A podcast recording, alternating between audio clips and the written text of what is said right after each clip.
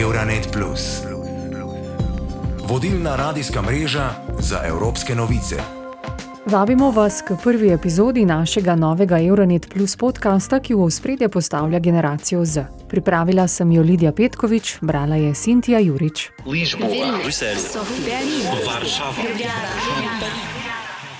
Dobrodošli v našem mednarodnem podkastu, ki se osredotoča na mlade v Evropskem letu mladih. Pozornost bomo namenjali prednostnim nalogam generacije Z. V naslednjih epizodah bomo razpravljali o več temah, vključno v duševnem zdravju in digitalizaciji. Pogovarjali se bomo z različnimi gosti, z različnimi zgodbami iz različnih držav. V eni izmed naših rednih rubrik, imenovani Glas generacije Z, bomo potovali po Evropi in pustili, da mladi spregovorijo sami. Toda, kaj je generacija Z? To je vprašanje, ki smo ga zastavili Maksu iz Francije, Eviji iz Latvije in Mislavu iz Hrvaške. Za me je generacija Z priložnost, da odraščam v svetu, obdanem z digitalnimi inovacijami. To je hkrati tudi prednost, a tudi nekaj, na kar moramo biti previdni, saj obstaja veliko omejitev za hiperpovezan svet.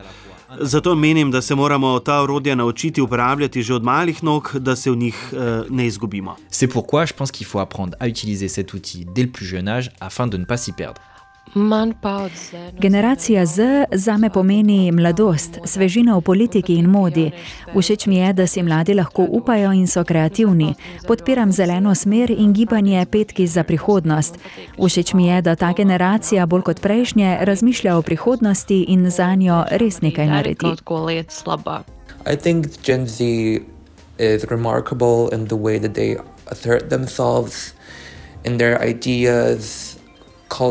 Mislim, da je generacija Z izjemna na način, da se uveljavljajo v svojih idejah, kulturnih referencah in da želijo pustiti svoj pečat v svetu.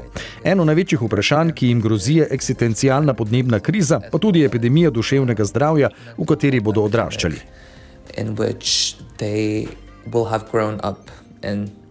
Digitalno smo agilni, vendar nas skrbi prihodnost. Tudi duševno zdravje je ena od tem, s katerimi se mladi želimo ukvarjati. Po drugi strani pa kaj pomeni generacija z stališča strokovnjaka? Mlada sociologinja Nastja pravi, da želi postati poslanka v slovenskem parlamentu.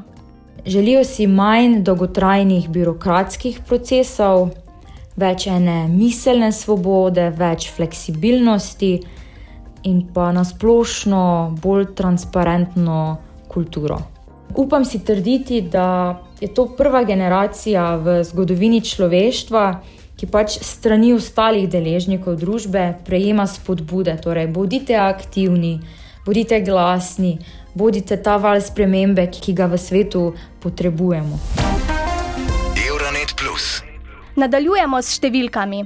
Vsakeč jih bomo predstavili, zato je tukaj današnji pogled v statistiko za generacijo Z. 1. januarja 2020 je bila po vsej Evropski uniji vsaka šesta oseba stara med 15 in 29 let. Regija z najvišjim številom mladih, starih od 15 do 29 let, je bila Ilide France. Najnižji delež mladih pa je bil v Čemnicu in Brandenburgu v Nemčiji.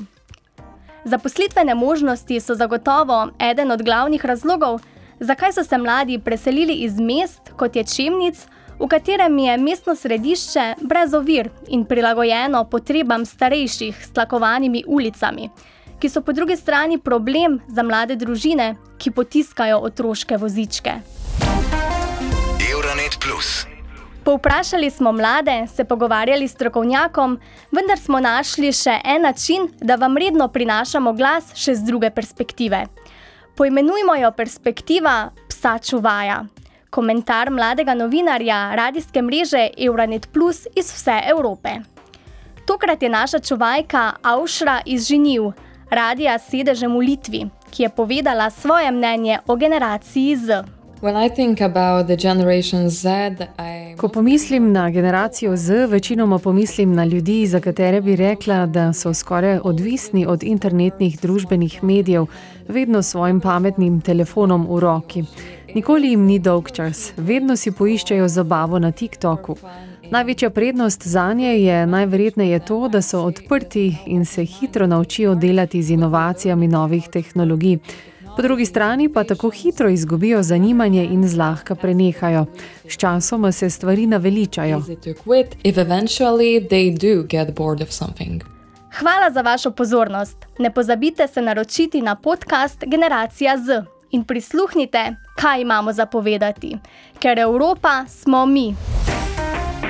Euronet Plus, vodilna radijska mreža za evropske novice. V družbi se generacije zamenjajo približno na 20 let. Opredelitve, od kdaj do kdaj posamezna generacija traja, pa niso vedno najbolj dosledne.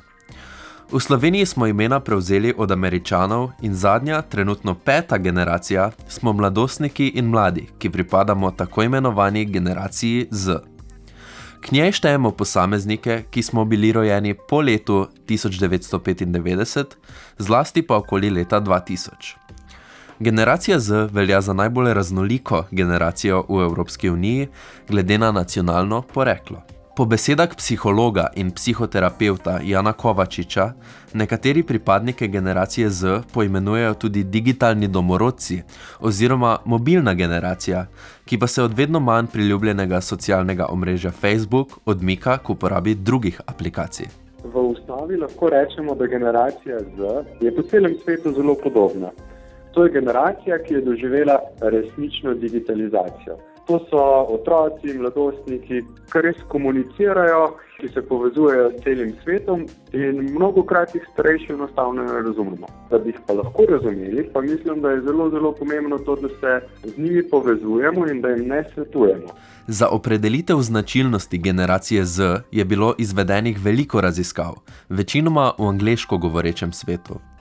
V Sloveniji je bila o položaju te generacije izvedena poglobljena nacionalna raziskava Mladina 2020, ki je zajela obdobje desetih let, v času konca predkoronskega obdobja in začetka koronske krize.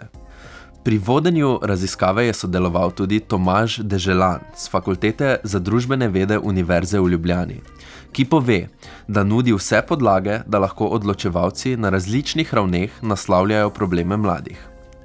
Po profesorjevih besedah je ta generacija zaznamovana z izjemno velikimi pritiski. Posledica tega je v bistvu zelo slabo stanje na področju duševnega zdravja. Torej na nek način so soočeni predvsem s pritiski okolice in tudi sebe, glede tega, kako jim bo šlo. In hkrati jih zaznamuje zelo močno ta stanovanski problem torej nedostopnost stanovanj, eh, predvsem kakovostnih stanovanj. Ne. Zato so seveda pripravljeni sprejemati precej slabše zaposlitve. V tej luči se seveda kaže tudi ena zelo velika sprememba.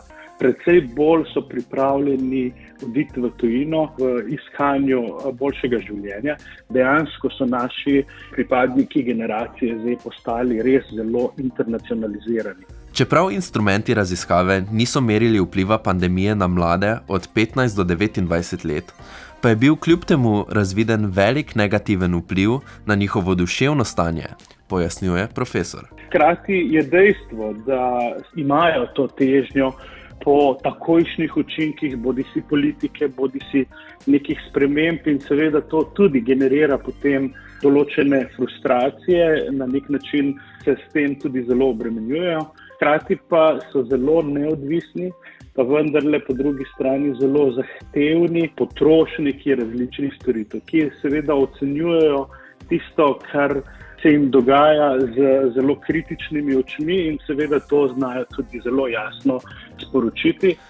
Poleg podvojitve občutenja stresa in potrojitve osamljenosti, pa je raziskava po Deželanovih besedah pokazala tudi večjo osredotočenost teh mladih na družbene probleme. So tudi zelo na nek način medgeneracijsko solidarni, so zelo empatični do drugih populacij, ki so v nezavidljivem položaju. Potem imajo tudi velik občutek odgovornosti do bodočih generacij, tudi do nerojenih.